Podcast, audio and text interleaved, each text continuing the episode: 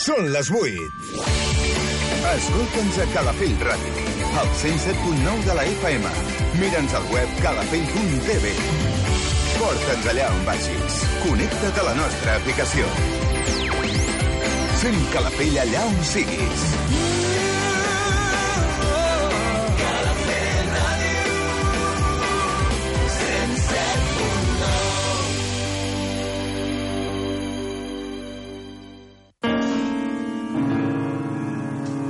L'Hora del Jazz. Un programa que t'apropa als millors compositors i les obres del gènere més rellevants.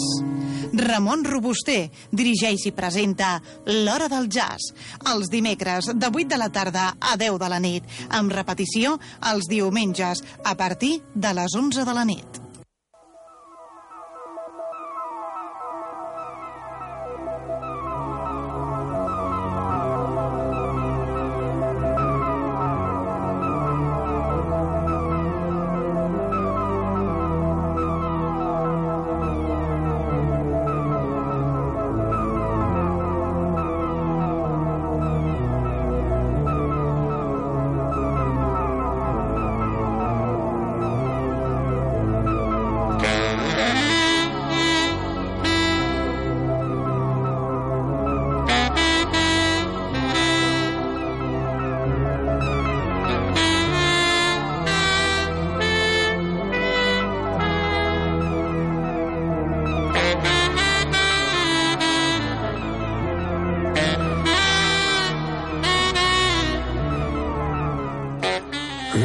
Jazz.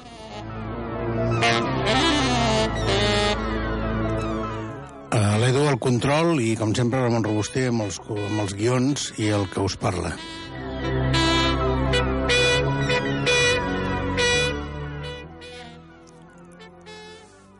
Uh, avui tindrem un programa, amb, com sempre fem, amb, una, amb un CD de fa un temps, que té alguna cosa singular, aquesta vegada ho és molt, singular. I després, pràcticament, són tres novetats, eh, totes interessants, eh, perquè tingueu una visió de lo que s'està fent aquest 2017 en el món del jazz mm, a nivell internacional.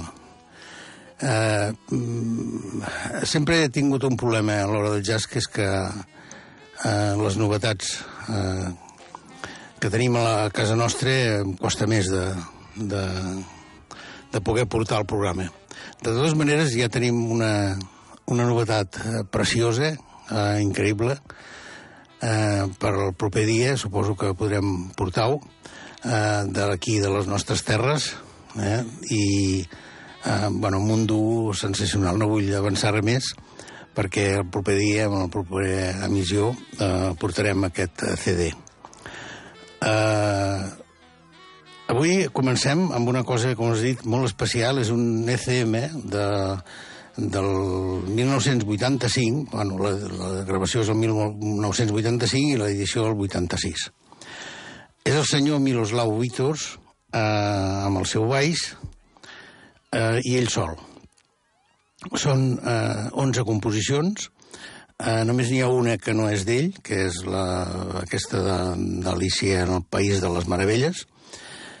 Uh, però la resta és, tots són composicions o variacions sobre temes més o menys coneguts, com un que posarem, i que formen aquest àlbum, com us dic, especial, que um, és, és especial pel fet de que és solament ell amb el seu baix, tant, uh, també amb, amb, amb moments amb, amb l'arc, no?, però eh, amb composicions seves i eh, una unió total del, de l'esperit i de la sensibilitat i, del, i de la música que ell està creant. Eh, hi ha una, una part d'aquest àlbum que formen quatre peces, que és la suite Atlantis. Eh, I això és el que posarem al començament.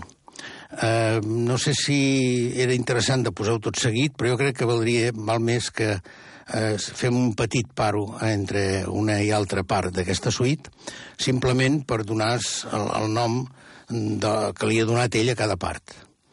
Uh, la suite Atlantis uh, dura 11 minuts, no és molt llarga, eh, i, com us dic, en quatre parts, i la primera és energia de l'esperit. Eh, com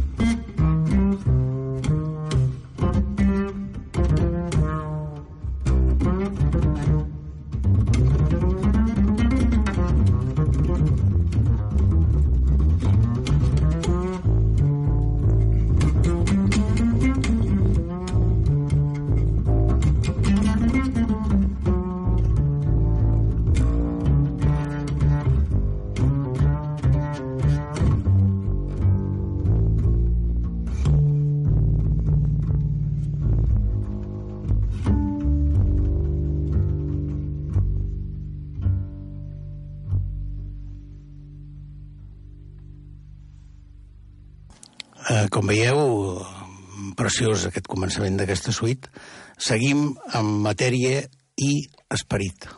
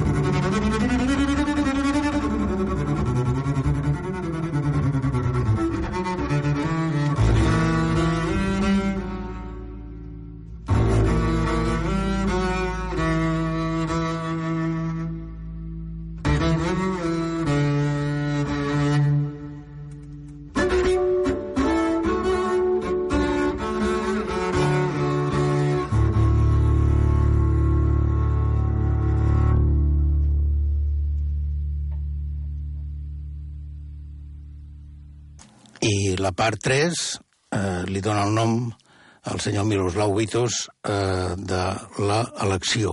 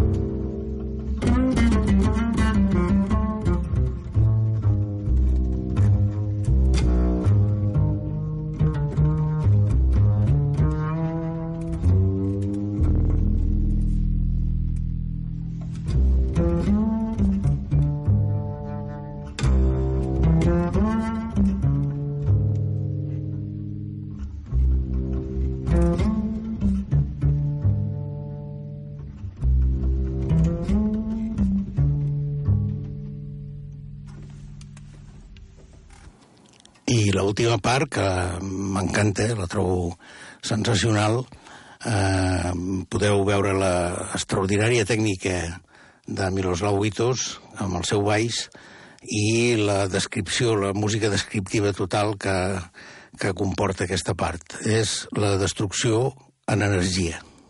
Com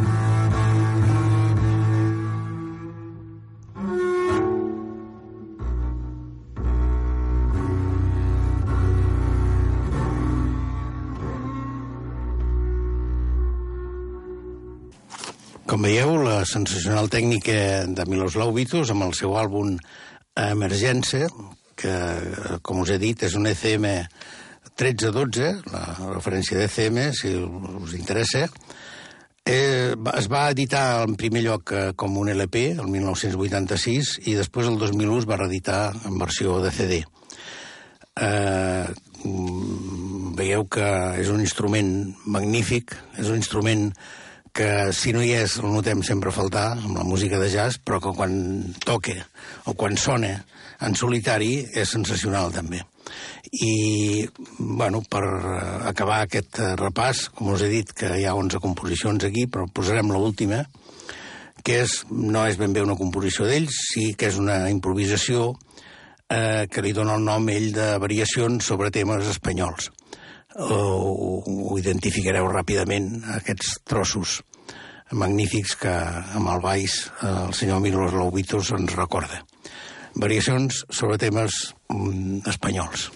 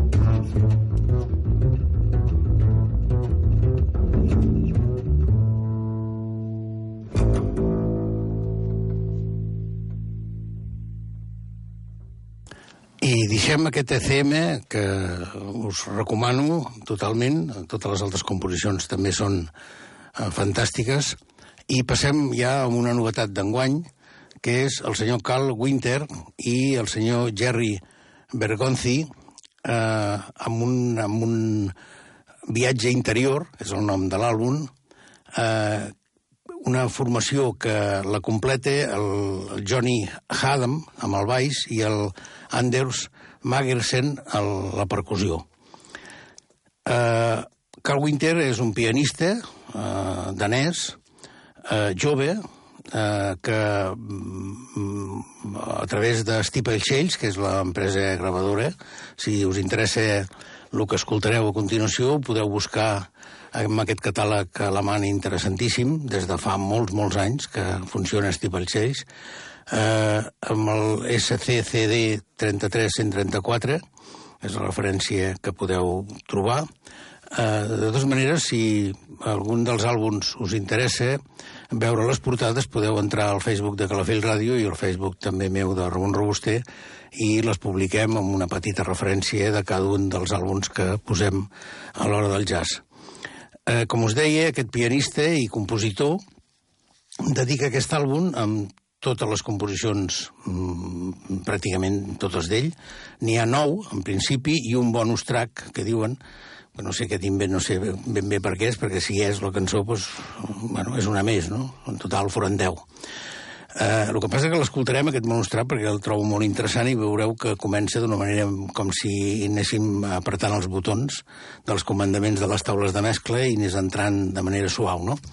Poder per això, no sé, en fi, bueno, són eh, eh, artilugis que creen les discogràfiques. Eh, com us deia, aquest pianista danès eh, dedica aquest àlbum al seu pare, que va ser un trompetista de jazz important i també compositor, eh, el Jens Winter, que va, va morir eh, de forma prematura el 24 de febrer del 2011. I la relació ben bé suposo que deu ser una cosa sentimental, perquè estem parlant de piano saxotenor del Jerry Bergonzi, baix i bateria. Per tant, tampoc hi ha l'instrument que tocava el seu pare, poder també és una manera interessant de, de no voler suplir res del seu pare, sinó donar-li aquest àlbum com a record i com a, amb el pensament doncs, de, dedicat amb ell. Eh, hi ha una cohesió molt important amb aquest àlbum de tots els músics. Eh, jo crec que és un llenguatge d'aquests bos pop, poder, una mica més actualitzat. Eh, no sé si ben bé entra dintre de, de, bueno, és un àlbum actual, és una música de jazz que es fa avui en dia. A mi m'ha semblat interessant i realment aquest saxofonista, el Jerry Bergonzi, que no el coneixia, no l'havien portat mai a Calafell Ràdio, jo crec que també valia la pena portar-lo, precisament no només pel Carl Winter, sinó també per ell. Eh, escoltem la primera composició, que és el Requiem per James Winter, que era el seu pare. I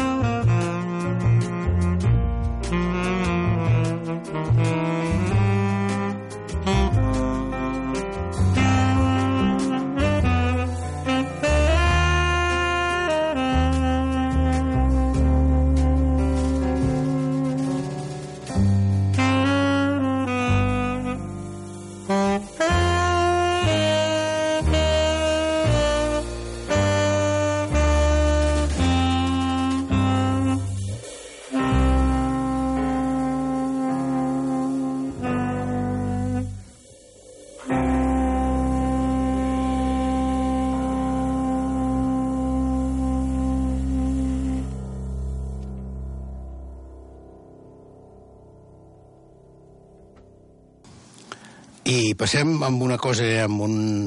després d'aquesta peça, que jo la trobo fantàstica, Requiem, eh, passem amb una peça, amb un swing més ràpid, amb, amb, amb, amb molt més ritme, i, com veureu, amb uns cops potents, de, tant de, del duo, del duo de saxo i de piano, i eh, acompanyat d'una forma magistral per, per, per la secció rítmica, no?, de baix i bateria. Eh, aquí, els moments aquests de piano, jo crec que hi ha alguns moments una mica... Eh, no sé, em recordo una mica el McCoy Turner, poder, però bé, tampoc és això el que, el que pretenem, no? Estem escoltant Carl Winter i Jerry Bergonzi com a líders d'aquest àlbum i jo crec que l'important és això i, i fixeu-vos bé amb aquest saxo que el considero eh, fantàstic. Eh, la composició s'anomena KMA.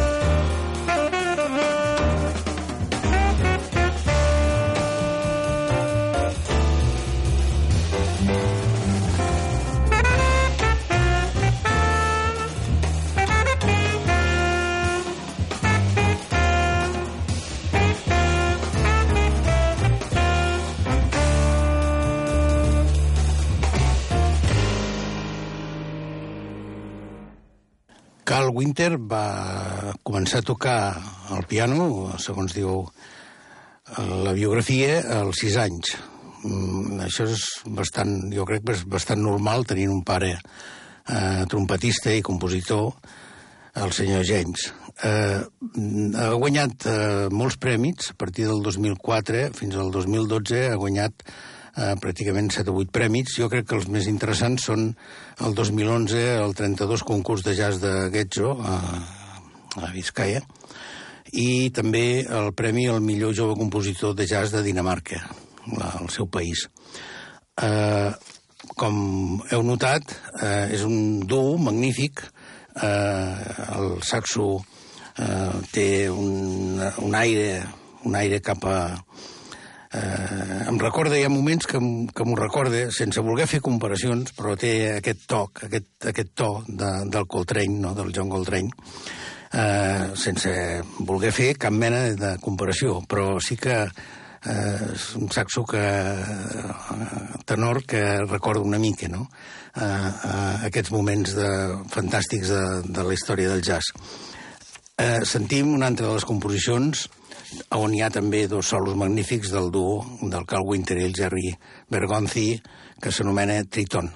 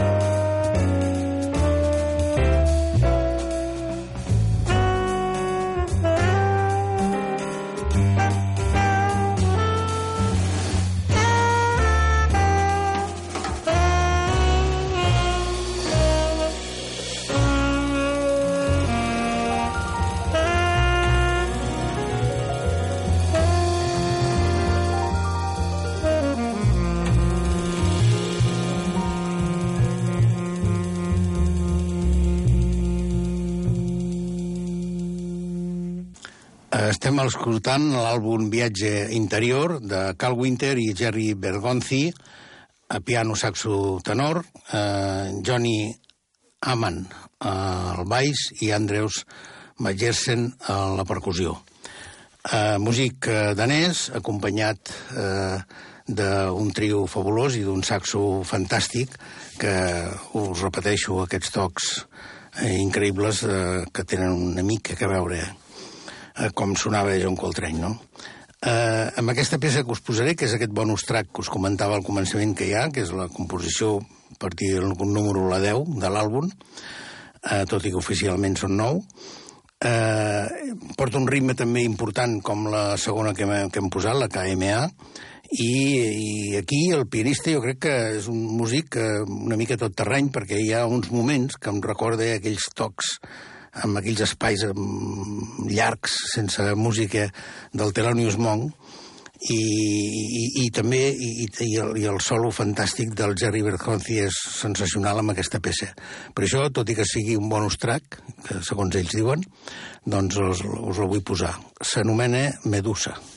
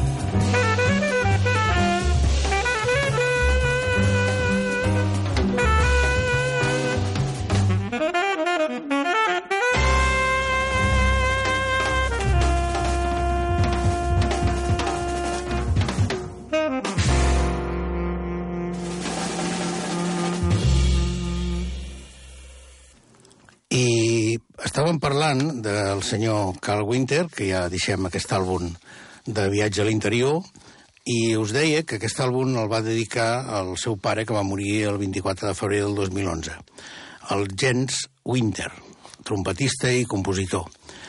Eh, em va cridar l'atenció aquest tema i eh, vaig buscar amb els arxius de música que tinc i només he trobat, no, no tinc res més del senyor eh, del senyor James Winter, però sí que he trobat una cosa que està dintre d'un àlbum eh, d'una sèrie d'àlbums de, la, de Sundance que, que és una, una, és una companyia escandinava que va fer tota una sèrie d'àlbums de recopilació eh, de molts anys de gravacions.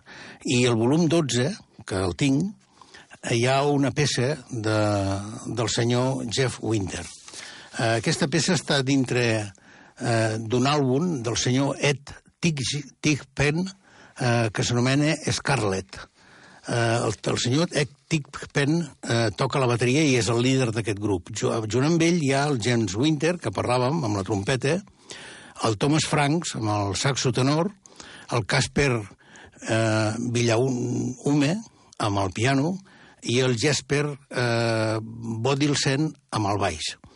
I, bueno, em feia gràcia, doncs, mm, a continuació, posar aquesta peça. La peça s'anomena El tren ràpid i, com veureu, fem un canvi total d'història i no és cap novetat perquè això és un àlbum que es va editar el 2004 de recopilació i aquest àlbum que parlem del Ed eh, Tixpen també és del 2004 però és simpàtica, és una peça agradable, simpàtica, de tant en tant eh, poder tenim de perdre una mica aquesta seriositat que, que portem en, en molts moments que jo crec que també tot ve donat per tota aquesta història de que tenim tots els nostres eh, polítics a la presó o a l'exili i que tenim d'agafar-nos la cosa una mica més de manera agradable. Sentim, doncs, per superar tot això, tren ràpid. una vegada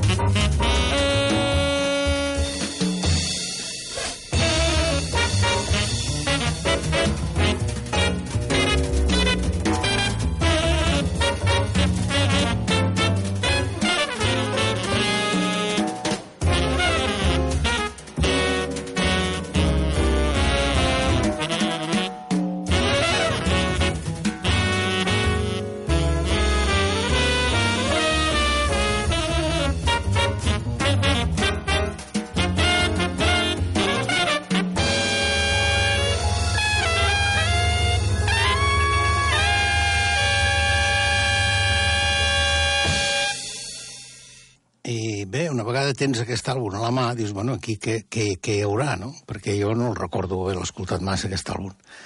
Poder no l'havia escoltat mai, la veritat. Uh, perquè les recopilacions, bueno, les tens a dir, però no... Et falta temps, no?, per tot. Uh, són 17, 17 uh, composicions de diferents, de 17 formacions diferents. N'hi ha moltes d'interessantíssimes. Hi ha senyors com l'Enrico Rava, eh, bueno, eh, clar, és una empresa discogràfica que ha gravat durant molts anys i continua gravant i que té el, un catàleg impressionant. Però mm, he pensat, bueno, doncs busquem un parell de peces més, perquè del, del Jim Winter ja l'heu sentit, amb la seva trompeta, realment un gran músic, i no n'hi no ha cap més. I no, no tinc maneres de poder seguir posant música del James Winter. Però sí que aquí eh, hi havia un pianista que també m'ha cridat molt l'atenció, que és el Casper Villaume, i que amb l'àlbum hi ha un, una composició que ell és el líder, que és un àlbum del 2003, en el que està acompanyat per el senyor Casper Villaume, eh, per el Lars Moller, amb el saxo tenor, el Jasper eh, Bodilsen, que també estava amb l'altre àlbum anterior, amb el seu baix, i el Morten Luna a la bateria. Eh, L'àlbum aquest, que és del 2003, i el podeu buscar a Sundance, eh, és el quartet eh, 2, i la composició que sentirem és aquesta, el quartet 2. Veureu que és una peça mm, fantàstica.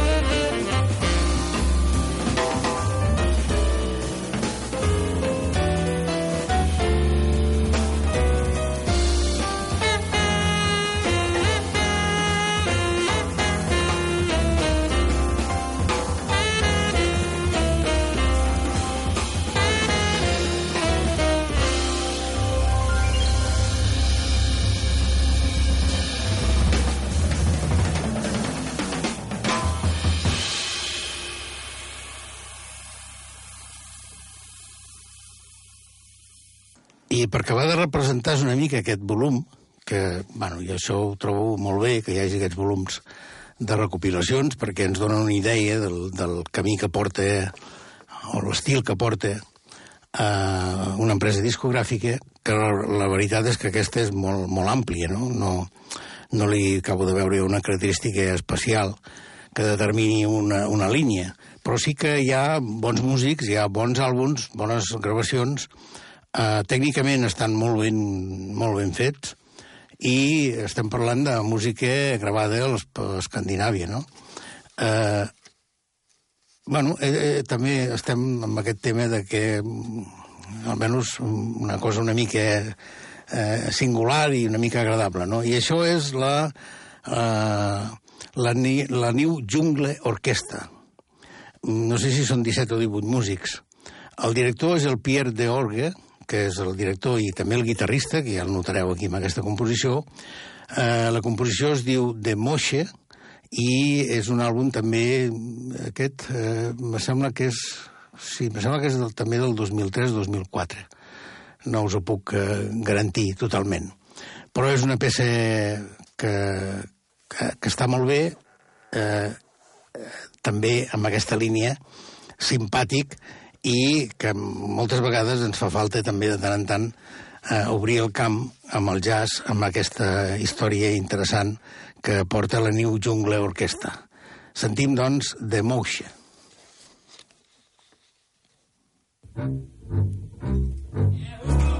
Yeah,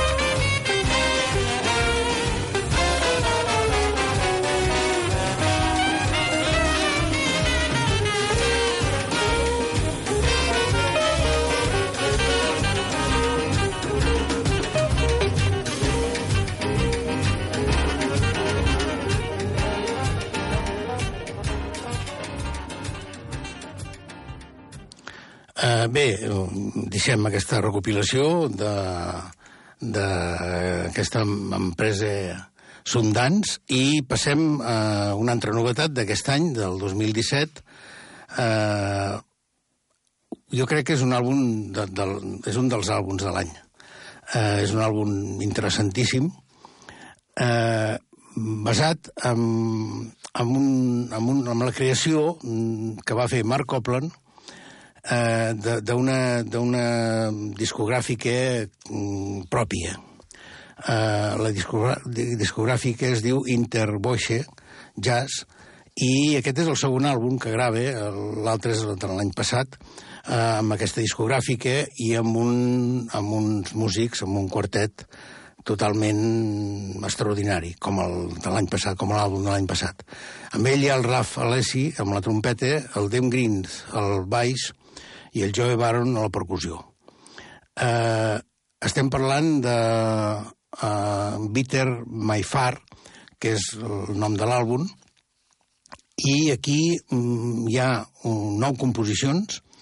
Uh, pràcticament estem parlant de cinc composicions uh, de Mark Copland, uh, tres composicions més o menys del grup amb improvisació, amb improvisació de, de grup, per tant també són composicions de Mark Copland i, dels, i del trio que l'acompanya, i me sembla... Ah, sí, perdó, només n'hi ha una, que és la, una que la, precisament la posarem al final, cap al final del programa, que és l'extraordinària evidència de Thelonious Monk. Eh, jo crec que el millor que podem fer és començar amb la, primer, la primera composició d'ell, del Mark Copland, que s'anomena Nit i Dia, o Dia i Nit, i veureu de què va aquest àlbum, que és realment extraordinari, eh, com, a, com a àlbum de jazz contemporani, de lo que s'està fent eh, eh, actualment al, a New York o, per, o als Estats Units, i amb aquests músics, bueno, és, és un, sensacional. Eh, ritmes totalment complexes, harmonies molt complexes, eh, desenvolupades pel baix i la bateria de forma extraordinària i amb, un, amb uns solos del Rafalesi sensacionals. Eh, comencem, doncs, amb dia i nit.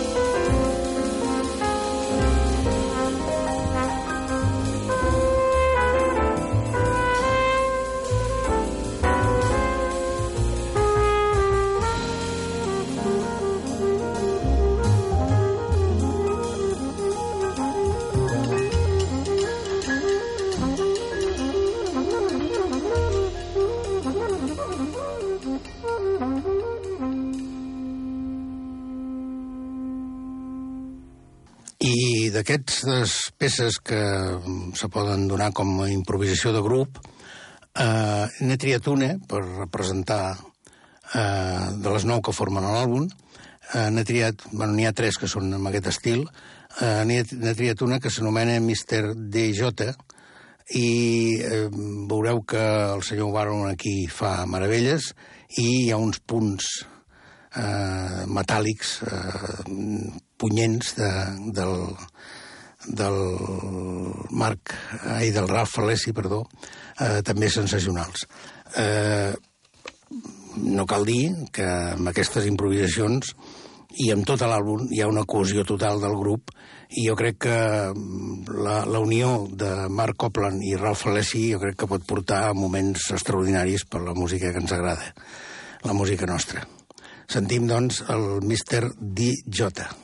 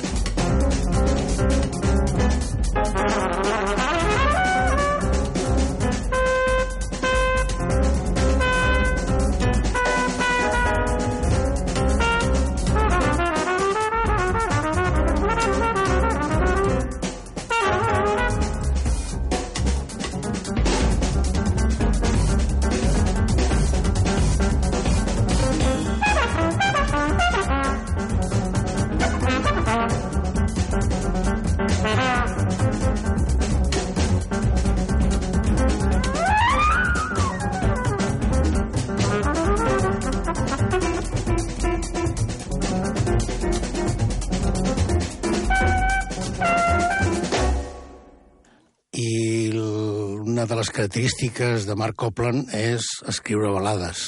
És, és un monstre amb, aquest, amb, aquest, eh, amb, aquest, amb aquests temes i us he posat, us vull posar, vaja, una de les composicions que jo crec que és de les importants també d'aquest àlbum, que és molt difícil eh, separar una de les altres, però és una balada preciosa que es diu bast eh, molt d'espai o bastant d'espai per les estrelles.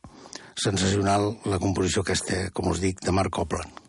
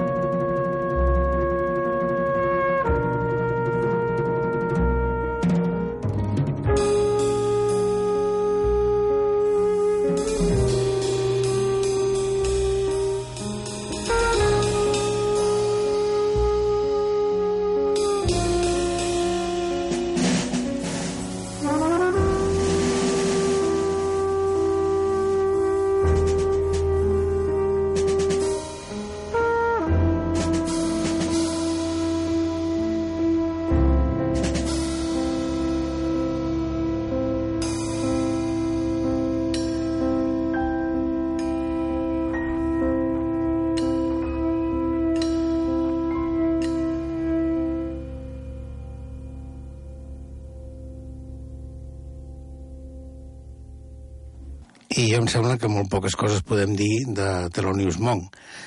Eh, després de tants anys i de tanta música que ens va deixar, continua estant sempre present i sempre actual. Eh, la prova la teniu amb que aquest quartet ha triat l'única peça que no és eh, composició del Marc Colpron del grup, eh, una de Thelonious Monk, que és l'Evidence, eh, sensacional, i també jo aquí eh, vull felicitar el Festival de Jazz de Barcelona perquè la propaganda visual per les televisions amb aquest eh, tros de Thelonious Monk, aquest, amb aquestes imatges del Thelonious Monk, els trobo sensacional, aquesta propaganda. Jo crec que és de les millors que he vist, si no la millor, en molt de temps, d'un festival de jazz. Eh, evidents de Thelonious